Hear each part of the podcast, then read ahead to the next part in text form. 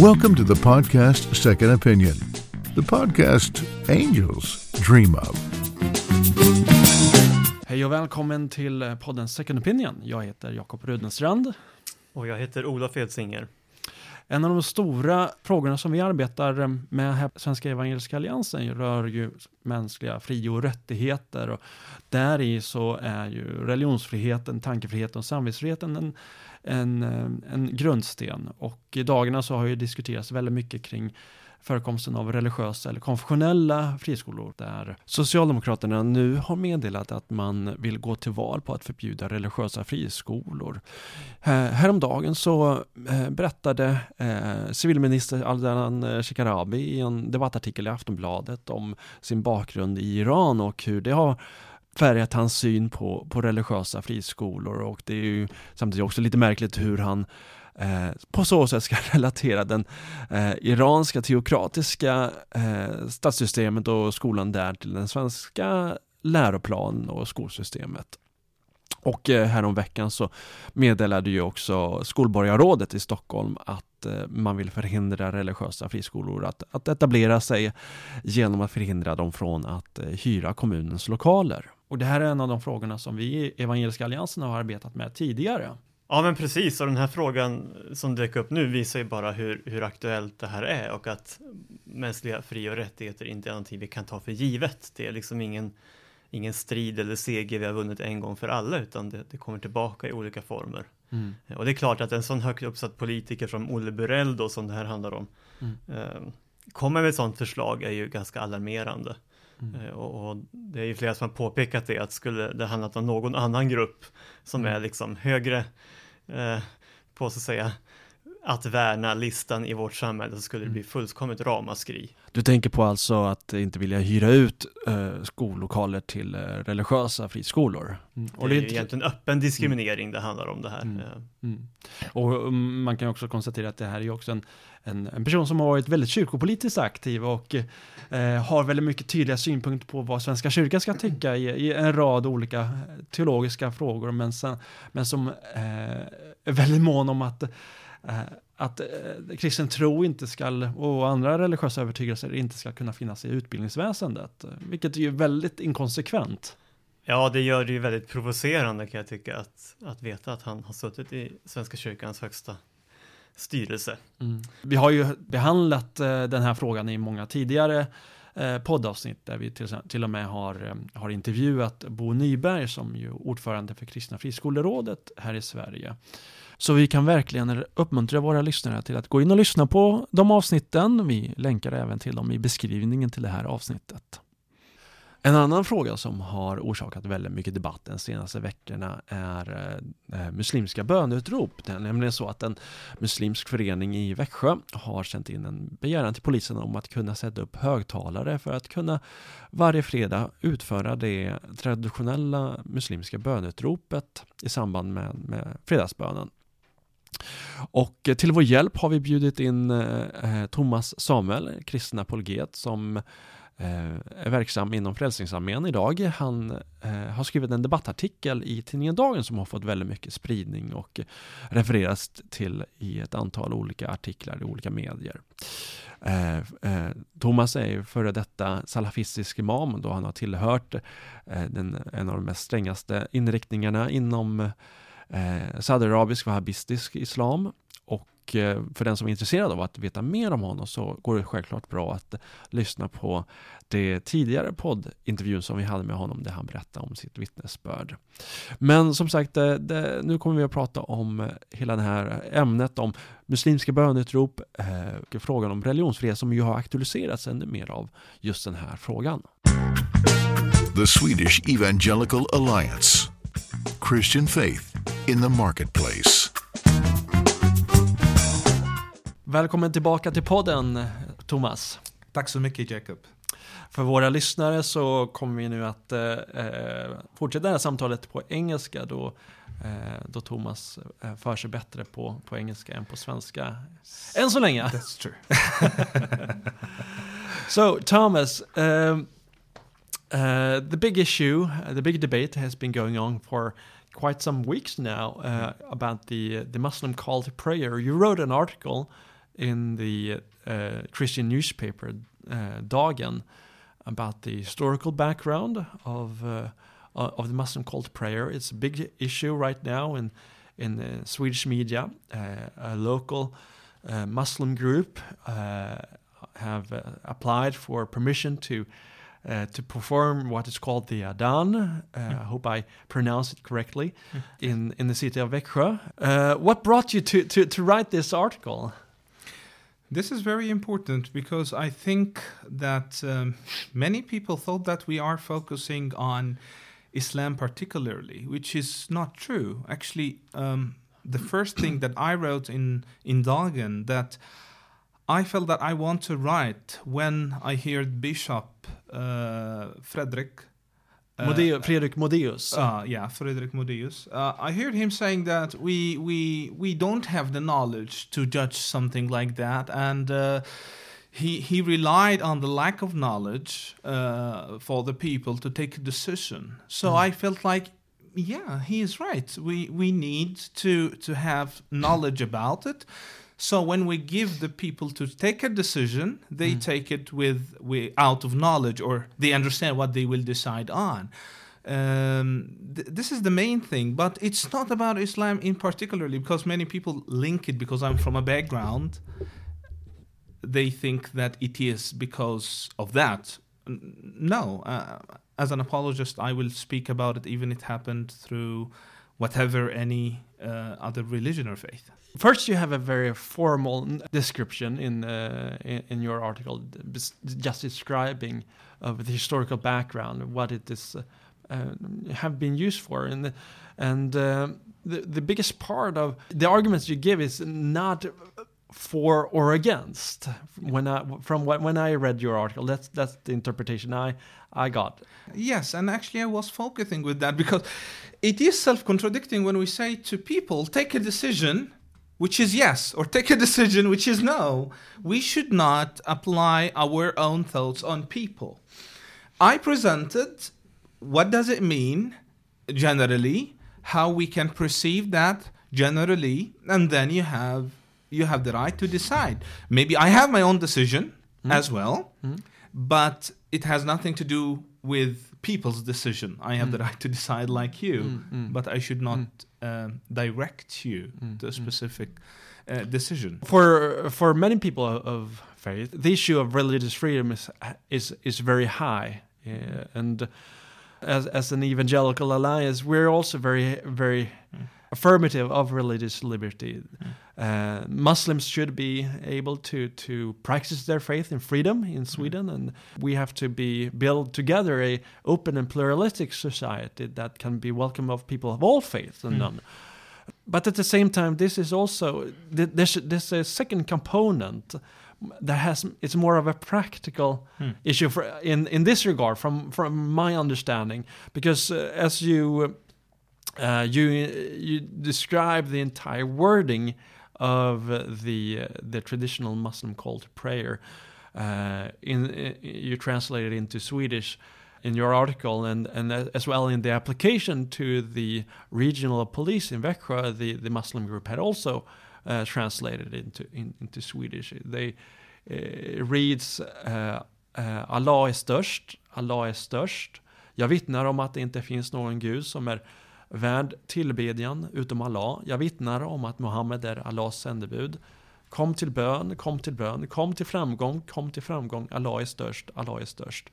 Det finns ingen gud utom Allah.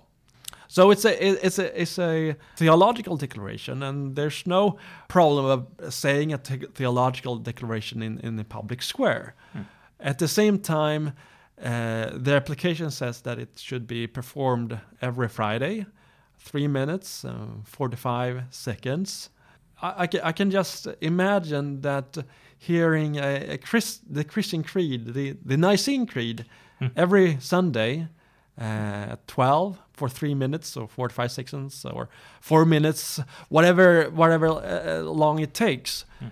would be very unpleasant for people around me and mm. people that are not uh, Christians uh, as well as other Christians. I would I would feel it was uncomfortable to to get have to hear that uh, in loudspeakers, so to say. And since we also had Muslim voices that uh, that want to have it broadcasted more times a day and uh, more times a week. Let us firstly agree that, uh, according to the Human Rights Agreement, we when we say that uh, everyone has a religious freedom, this is for individuals, not Mm. for groups. Mm. And uh, any right that is that comes to the group, it comes driven from the individual right uh, in religious freedom. So you are free to believe what you want, and nobody can force you to believe what you don't want or punish you for the way you believe. This is what we call religious freedom, but religious freedom definitely is not to hear uh, whatever creed of faith uh, repeated again and again, even for one minute, one time a month. I have the same right for the same minute. This is what I think of. You, you will take my right at my home to enjoy this one minute. Why? And on other way, that's what I wrote in my article in Världen idag when I said that we have a problem now that any other faith would have the same request if we accepted that and now we will have a fight between different faiths everyone want to say his own creed and then some angry christians or or some christians would like to make it uh, to make it um, uh, their creed and they make for example the uh, Chalcedonian creed we take it and we say it in, yeah. uh, Yeah, we say it in a loudspeaker. Maybe now uh, some Buddhists would say the same. Atheists would make a creed that says there is no God, and emptiness is the great, is great, is the greatest, right? Mm, What, what we, we what we will have is it a society then? No. It's a very unpleasant society. Yes. Wherever creed is pushed on you. And another more very important, very Locally, important yeah. thing that the church bill became more into not a Christian symbol. It now belonged not only to Christians, it belonged to the Swedish history. It became part. The culture can adopt from religion whatever it wants with time. And now it became like that. And and actually I don't think that anyone, if we go to a Christian and say, we will remove the bell from your church, he'll say, No, how I will worship God again. No, that's not, that's not true. And and for us it's it's really just a musical tone to mm. call us for prayer. This is totally different from the Islamic thing. If you allow me, the Muslims, what they say about the, the, the I mean the, the scholars of Islam, if we give an example, just two examples.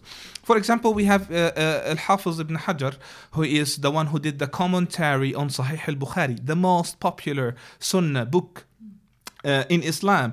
Not only him, also the Qurtubi. Both of them said that the prayer call with its few words, it has the basic dogma of Islam because it starts with Allahu Akbar, that the greatness is to Allah.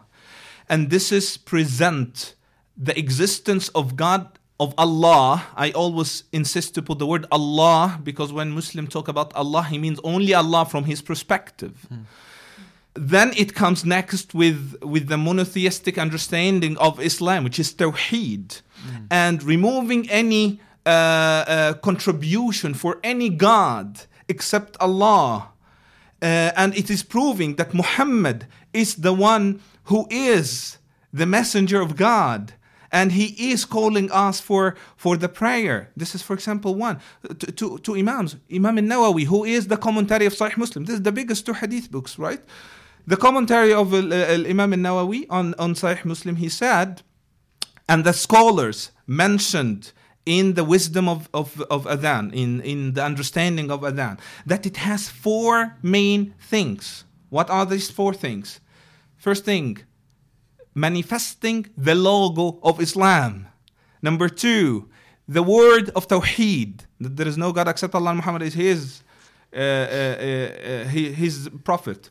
And noticing that prayer is coming and praying for the Muslim group. This So- is what they say. yeah. So the the earliest commentators of Islam is is very clear that the adhan is not comparable to to the sound of church bells.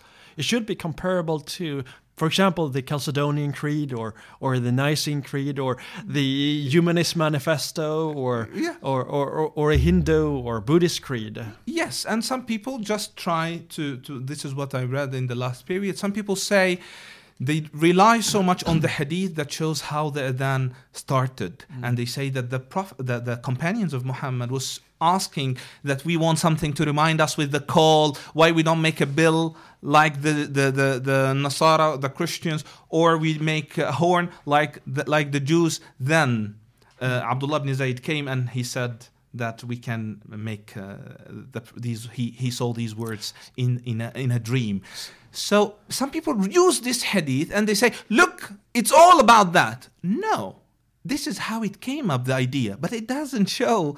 It doesn't mean that the creed of Islam is exactly like the bell or exactly like the horn. They're doing the genetic fallacy. Yes. in that sense, they're they're, um, uh, fallaciously describing the. Uh, the ba- how it came to be with what it is. Yes, exactly, exactly. This is very important and very. Uh, in the article, you also quote from a, uh commentary uh, that describes the the adhan as a very important ritual and part of the Muslim religion, practice of religion, and that it is uh, viewed as, as similar to a Muslim flag, and, and pronounces the, the people in, in the city where the called prayers performed as, as Muslims. And I've seen some some critique of the use of that quote as uh, some form of suspicious quote and uh, some questions about where it comes from. But as you mentioned to me before, the the quote itself is from a modern day uh, scholar uh, from uh, uh, Saudi Arabia, Abdullah ibn Jibrin, and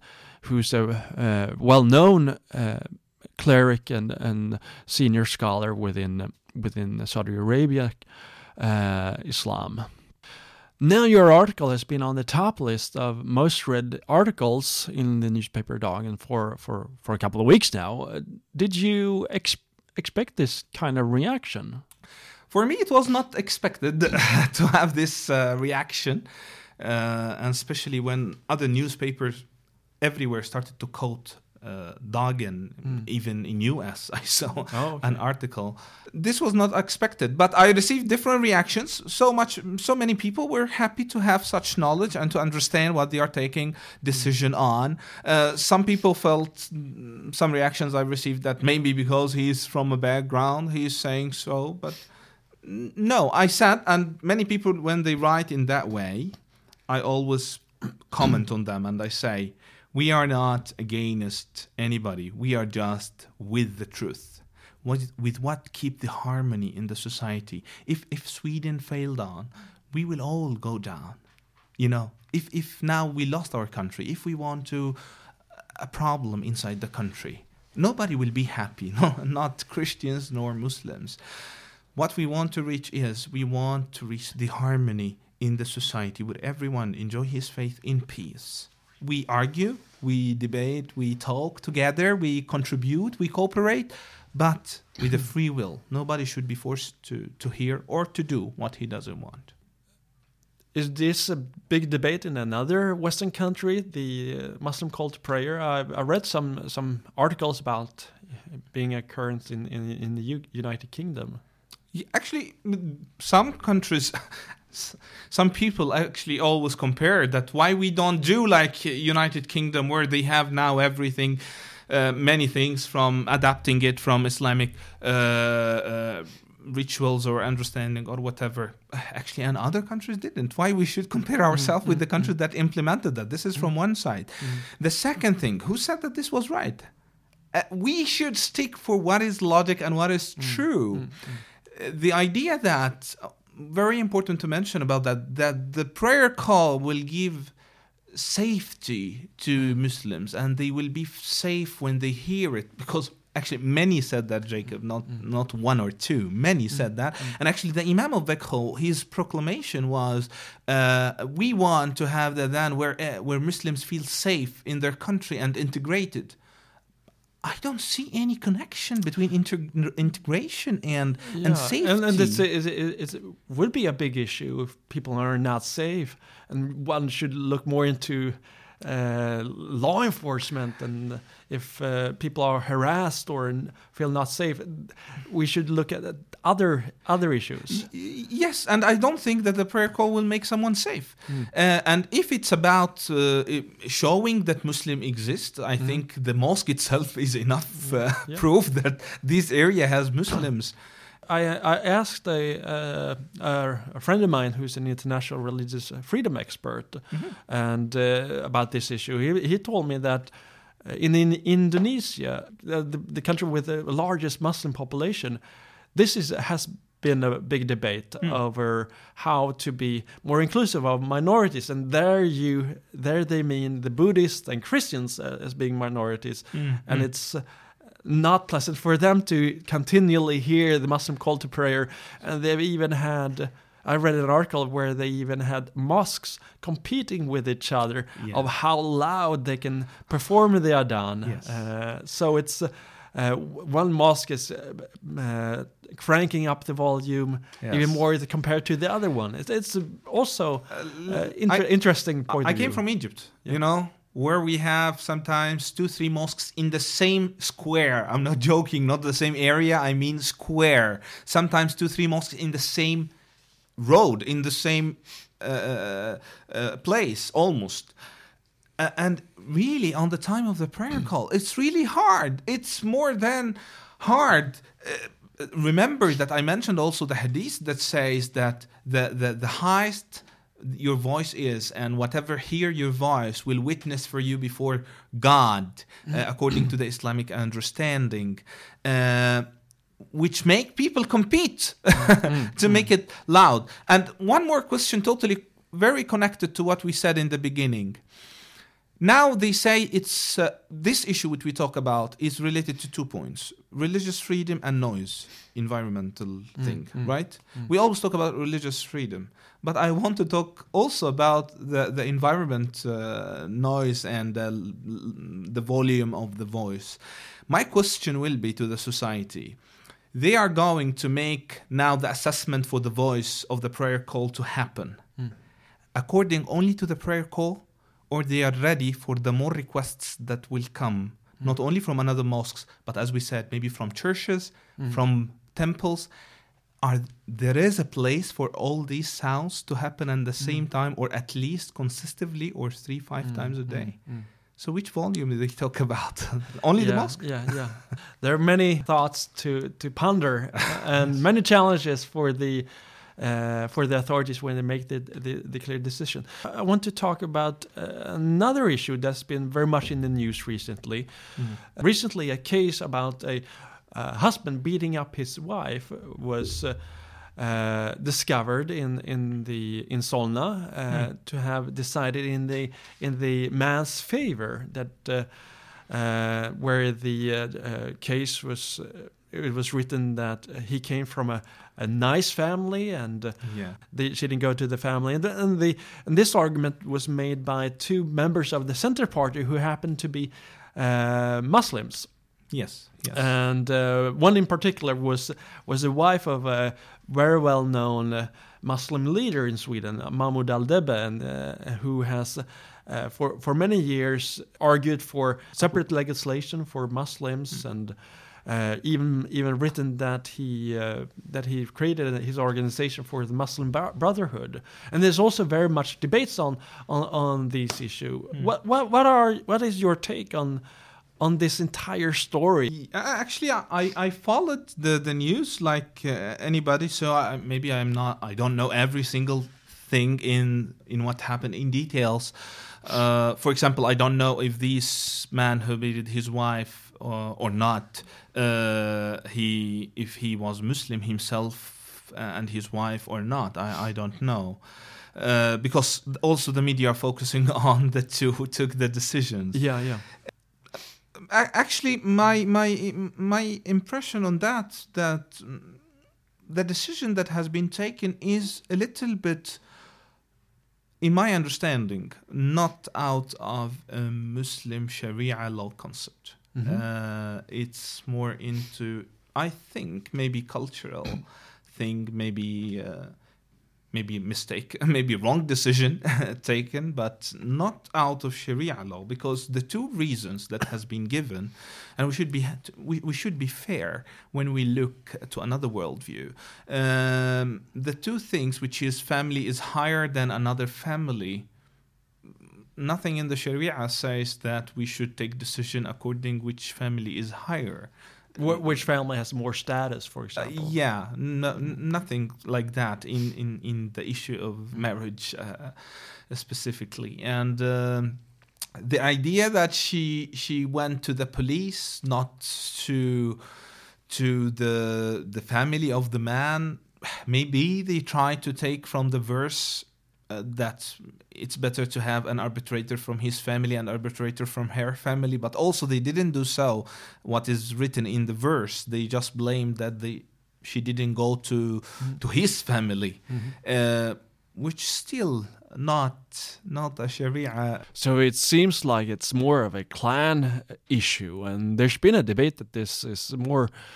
Uh, more referencing to uh, more depending on a, a clan structure than on Sharia. In my understanding, level. it would be like that because also, if we are talking about Islam, Islam in the relation with the wife, it doesn't say that you can beat the face, and as long as I hear that she has scar under her eyes, uh, like it looked like she has been beaten or something like that. But also, according to the Islamic Sharia law, or the relation between man and wife, the man should not uh, punch the face specifically. It is Mm. mentioned uh, Mm. even in the hadith that you should not beat the face Mm. of, of anyone. Mm, mm. So uh, no, uh, it's Mm. not. It, Mm. it will not be Sharia thing.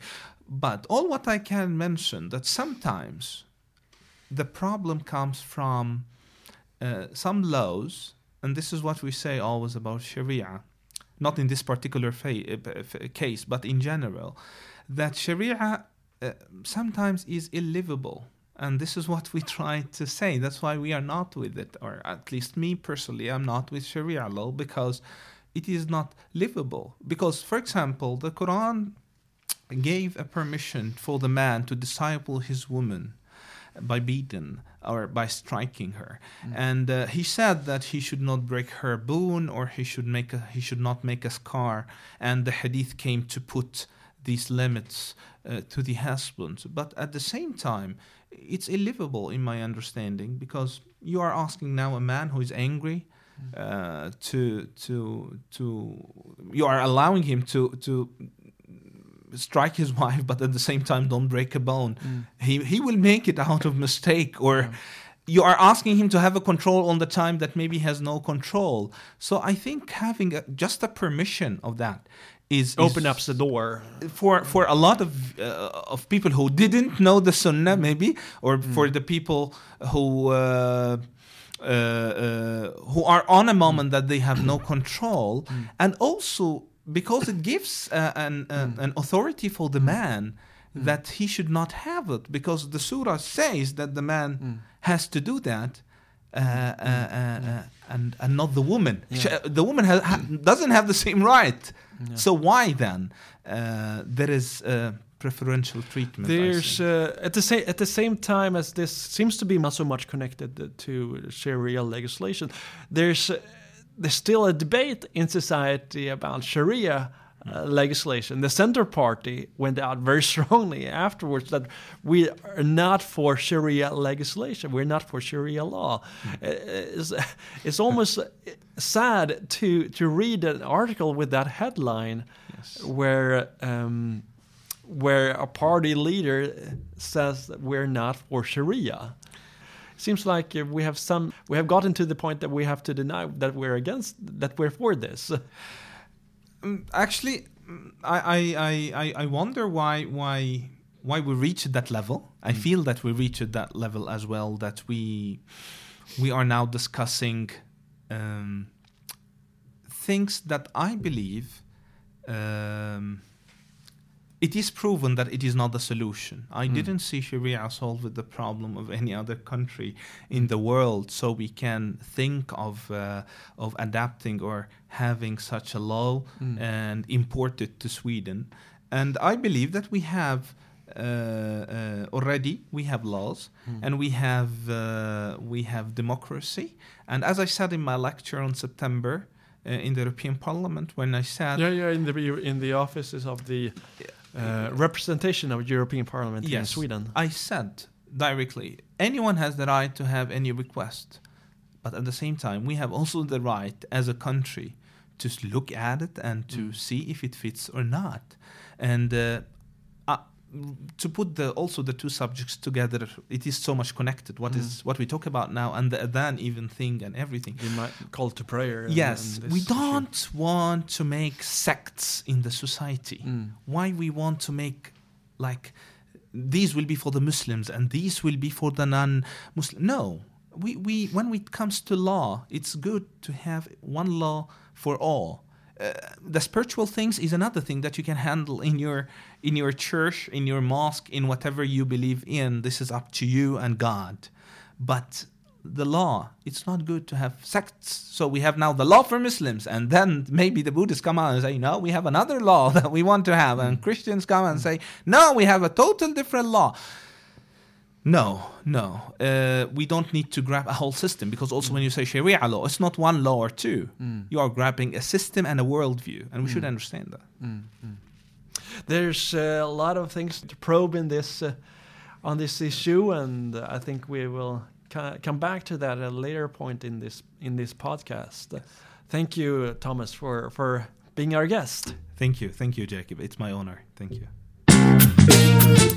Welcome to the podcast Second Opinion, the podcast angels dream of.